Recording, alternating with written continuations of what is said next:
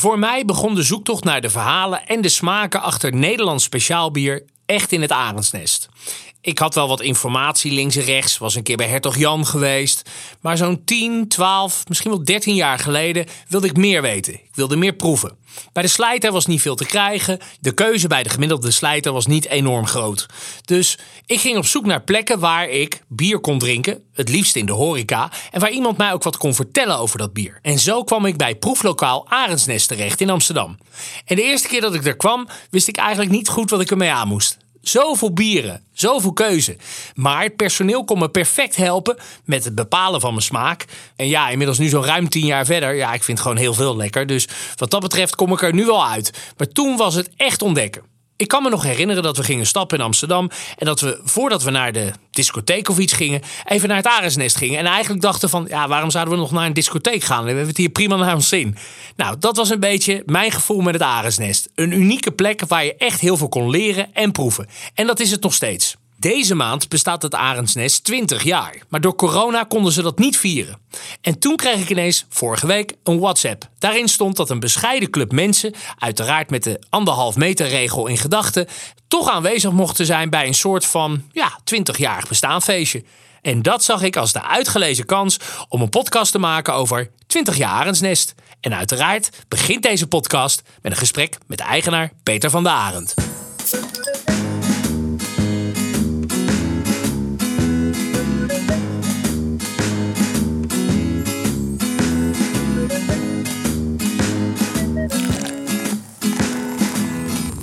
Natuurlijk de lockdown, uh, alles iets van hoe gaan we dit in godsnaam doen? Want ja, het geld vloog er wel lekker uit. Uh, als je elf weken dicht bent. Maar gelukkig, uh, ja, het feest kon niet doorgaan. want we hadden de rode hoed afgehuurd. En we zouden ook de opbrengst van het feest naar het goede doel geven. Dus ja, helaas. Maar ja, eigenlijk twee, twee weken geleden uh, is het toch opgeraakt we moeten toch iets doen. En uh, ja, gelukkig hebben we Oedipus uh, bereid gevonden dat ze hun ruimte beschikbaar stelden. En dat we low profile een, toch een geslaagd feestje kunnen geven.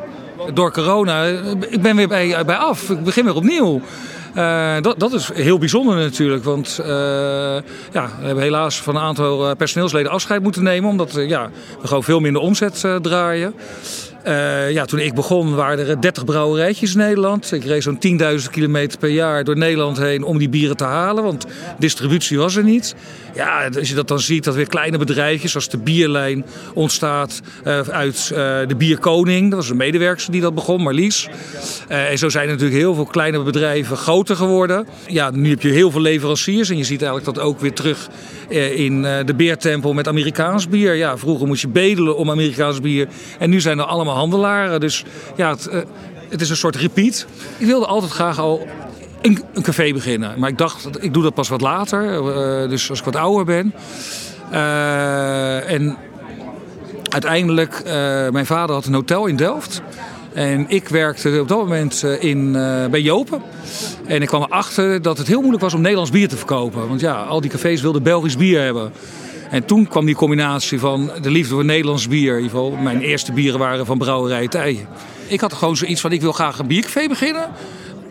Eerst café, toen kwam het idee biercafé. En uiteindelijk door je eigenlijk Jopen, dat ik daar vertegenwoordiger was in 98 en 99, had ik zoiets van, ik moet uh, iets doen met Nederlands bier. Want die krijgt niet de aandacht die het verdient. En ja, er waren al heel veel cafés in Amsterdam die Belgisch bier uh, verkochten. En ik denk, ja, ik moet wel opvallen. En zo is eigenlijk het idee ontstaan. En uh, ja, hadden we acht bieren op de tap staan. En we hadden dan 72 bieren op fles. En dan hadden we van ieder geval van iedere brouwerij minimaal één bier hadden we in huis. Dat was het streven voor mij. Nou, dat is na 20 jaar niet meer te doen. Dan moet een heel groot café beginnen. Ik kreeg wel een hoop uh, opmerkingen uit de bierwereld van nou, dat en toen dacht ik van ja jongens, het is wel jullie bier hoor, wat ik aan het verkopen ben. Bijvoorbeeld uh, altijd meegedaan met uh, de Café Top 100. En daar kregen we altijd de opmerking dat we te veel met bier bezig waren. En te veel aan het lullen waren. Maar dat wilde ik. Ik wilde het ook anders. Hè? Dus vandaar dat wij ook met siletjes lopen. En uh, ja, ik wilde gewoon bier op een hoger platform zetten. En waar je lekker van kan genieten. Met een beetje rustige muziek op de achtergrond. Dus geen keiharde herrie. ja, gewoon een mooi, mooi proeflokaal. Dus ja, en dat is denk ik wel uh, aardig geslaagd. Ik heb wel beslissingen genomen. Het is een hele moeilijke tijd en we weten ook natuurlijk nog niet waar we naartoe gaan. Ik heb vier horecazaken. En we vonden eigenlijk al dat het voor onze organisatie eigenlijk één te veel was. Uh, dus Craft Draft uh, was in principe al verkocht. Voor corona. Daar heeft corona helemaal niks mee te maken. Dus uiteindelijk zal dat ook gaan gebeuren. En zal naar een, een medewerker toe gaan. en ik ben er nu ook al langzaam aan het uitstappen qua het operationele. Dus uiteindelijk ben ik straks alleen nog de aandeelhouder, mede-aandeelhouder. Maar ik ben er niet meer verantwoordelijk voor qua het runnen. Ja, en Beerlas Food, ja, dat doet me heel erg pijn. Die dat gaat te lang duren voordat dat weer gaat lopen. En daar moet zoveel geld dan bij dat je als ondernemer beslissingen moet nemen, hoe moeilijk ze ook zijn. Dat hebben we in principe verkocht. Uh, alleen er is nog niet getekend, dus het is nog niet helemaal zeker. Maar in principe is het rond. Ja, en dan ga je kijken hoe je dat verder gaat doen. Ja, het aresnest is gewoon het aresnest. En eigenlijk kan je daar niet meer veel aan veranderen. Uh, 52 tapkranen, ja, nog meer kranen. Nee. Uh, groter maken is niet mogelijk. Uh, proeflokaal hebben we natuurlijk vier jaar geleden helemaal verbouwd.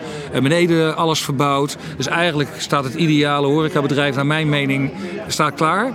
Beertempel daarentegen, die heeft wel nog veel meer potentie. Altijd in gedachten gehad dat ik een keuken wilde hebben. Nou, elf, weken verplicht dicht. Dan ga je met personeel met gezamenlijk allemaal een keuken bouwen. En uiteindelijk gaan we daar nog op het moment dat het weer goed gaat, gaan we daar de kranen weer aanvullen. Want uh, we hebben natuurlijk vijf kranen vanwege de keuken eruit gehaald. Dus we zijn van 35 naar uh, eh, 30 gegaan. Maar uiteindelijk komen er weer 10 terug. Dus we gaan naar de 40, maar dat is natuurlijk pas op het moment dat het leven weer een beetje normaal is. En er is een jubileumbier. Nou ja, het originele bier is er bijna 20. Die hebben we vorig jaar oktober gebrouwen. Uh, die is in januari is die, uh, gelanceerd uh, onder het mom van... jongens, wij worden binnenkort 20 jaar. En aankondiging van het grote feest in de Rode Hoed. Nou ja, dat heb ik net al verteld, dat gaat niet door. Uh, en uh, we hebben 800 liter van het bier hebben wij in uh, Heaven Hill bourbonvaten gelegd. En die is nu gelanceerd. En ja, ik heb helaas een hele vervelende huisbaas die gewoon 100% van de huur wil hebben. En dat is heel moeilijk voor ons om dat te betalen. Zeker als je maar 25, 30% van je omzet draait en alle personeelskosten. Uh, dus wij verkopen dit bier nu uh, voor 60 euro, zes blikjes. Voor een hele mooie barrel aged uh, bier.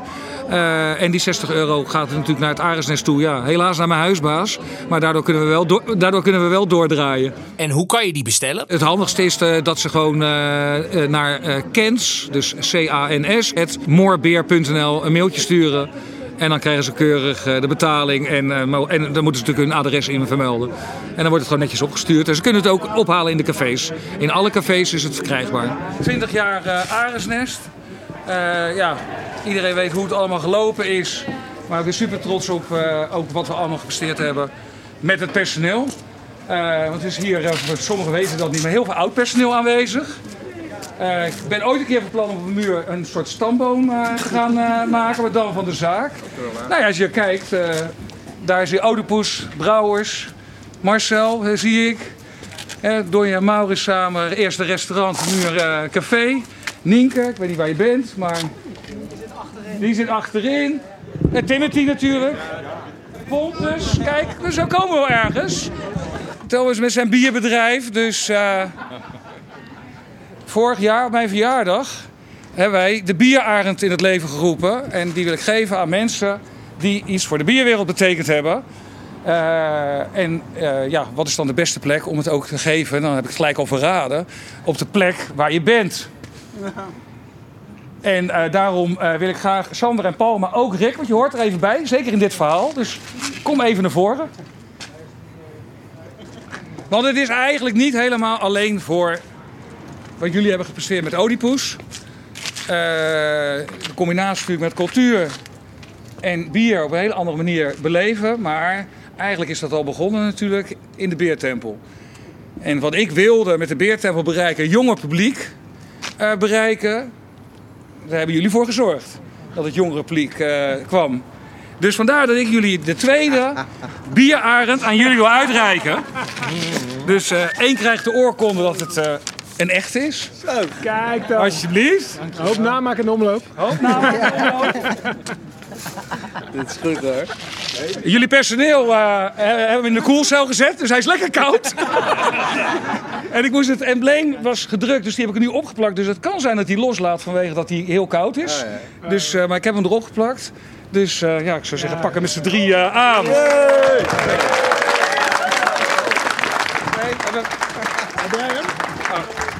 En na de uitreiking van de bierarend praat ik met enkele gasten die net als ik aanwezig waren op dit bescheiden feestje. Ik ben uh, Derek Walsh. Uh, ik loop al een, uh, drie decennia met, met, bier mee. Ik ben een van de oude rotten. Um, ik ken Peter van een proefgroep die toen bier ging proeven samen bij Pint, jaren geleden. Later is het begonnen met al de heel keten met de Arns, Arnsnest Imperium.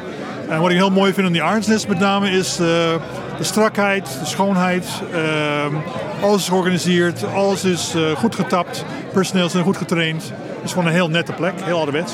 Ik ben nu voor meerdere commercial brouwerijen met receptenontwikkeling bezig. Um, ook opleiding met Stibon, uiteraard nog. Uh, doe ik al een jaar of tien. En ik ben met een andere brouwer nu bezig om een uh, heel reeks workshops te, te gaan opzetten. Met nieuwe onderwerpen. Mijn naam is Rick Kempen, bierambassadeur bij Bier Co. Uh, en in dier vroeger wel een beetje betrokken geweest bij, de, uh, bij het begin van Arendsnest. Um, niet dat we Peter geholpen hebben hoor, want het komt Peter kan het allemaal heel goed zelf regelen. Um, maar als je dan wil weten wat er zo bijzonder is in Arendsnest. Arendsnest is het mooiste ongeluk in de Nederlandse bierwereld. Uh, in een tijd dat niemand er nog in geloofde dat je met Nederlands bier je brood kon verdienen, geloofde Peter misschien toch stiekem wel een klein beetje tegen beter weten in dat het heel goed kon. En je ziet, we zijn 20 jaar verder. Er zitten hier 100 man omdat het niet meer kan zijn. Die totale fans zijn van Peter. Wat hij voor de rest allemaal neer heeft gezet. Uh, en we mogen heel trots en heel blij zijn op Peter en zijn Arensnest. Ik ben Bob van Dijk, ik ben uh, grafisch ontwerper van B71 Ontwerp, uh, Monkey Shirts. ik werk in, heel veel in de bierwereld. Ja, het Arendsnest is gewoon bijzonder omdat het gewoon het eerste echte Nederlandse biercafé is. Dat gewoon ook bier in mooie stijl geserveerd wordt op de juiste temperaturen. En ja, de, klant is koning en dat maakt het heel erg speciaal gewoon. Ja. Mijn naam is Maurits Harmsen en ja, ik ben uh, een van de. Ik ben eigenlijk de eerste barman. Ja, wel, er was nog een dame voor mij. Die heette volgens mij Mirjam. Kan dat? Van de Sigarenclub. Was die, uh, die was volgens mij enige dagen voor mij had zij al gewerkt. Als ik het me goed herinner. En, nou, een paar weken, een paar dagen. Ah, ja. Nee, nou, ja. De, de stem die u nu hoort, dat is Marcel Snater. ook trouwens. Ja, die komt ook aan de beurt. Ja, dan, dan is het goed. Nee, en uh, ja, ik moet zeggen dat ik, uh, dat ik dan twintig jaar terug moet gaan in mijn geheugen. Dus dat is, dat is een aanzienlijke tijd geleden. Maar ik heb daar ongelooflijk fijne herinneringen aan. Dat was een uh, hele bijzondere tijd. Ook het project wat Peter begon echt uh, heel avontuurlijk. Want ja, de biercultuur in Nederland dat was nog niet zo heel groot en stelde niet zoveel voor als dat het nu, als het nu is. Dus het was prachtig om daar deelgenoot van te zijn. En, en het, het, was in het begin ook heel spannend, want het liep niet meteen vol. Dus we moesten daaraan trekken. Ja, ik moet wel zeggen dat het de twee leukste jaren van mijn hele horeca bestaan, leven ja, betreft. Dat, dat moet ik echt wel dat kan ik echt wel zeggen, ja. ja. Marcel Snater, ja, ja ik uh, oud-medewerker van uh, het Arendsnest. Uh, Maurits was daar inmiddels werkzaam. Peter was natuurlijk de oprichter, eigenaar, werknemer. kon het niet alleen in zijn eentje. Maurits kwam daarbij. ja, was wel echt pionieren.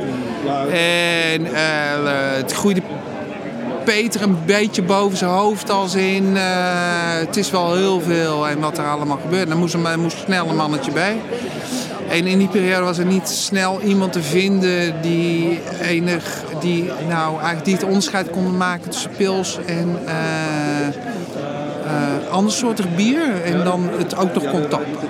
Hij had een dingetje in het parool gezet, een heel klein advertentietje. Uh, ik had een klussenbedrijf. Ik kwam binnen met paars haar. Uh, want ik had een uh, kapper net verbouwd en beloofd dat de kappers ook mijn haar mochten verven nadat ik de kapsalon had geverfd. En ja, toen heeft hij me toch aangenomen. En de, de nood was misschien hoog. Hij had ook vanaf meet aan een huisbier. Ehm, dat was een heel erg mooi bier, maar niet per se een huisbier. Als in te complex eigenlijk. Een heel mooi bier zelf. Hij proefde een van mijn bieren. Ik was al uh, meer dan tien jaar thuisbrouwer. En hij vond het heel erg lekker wat ik toen voorstelde. Vroeg om het recept en toen zei ik van nou, dan wil ik het wel zelf brouwen.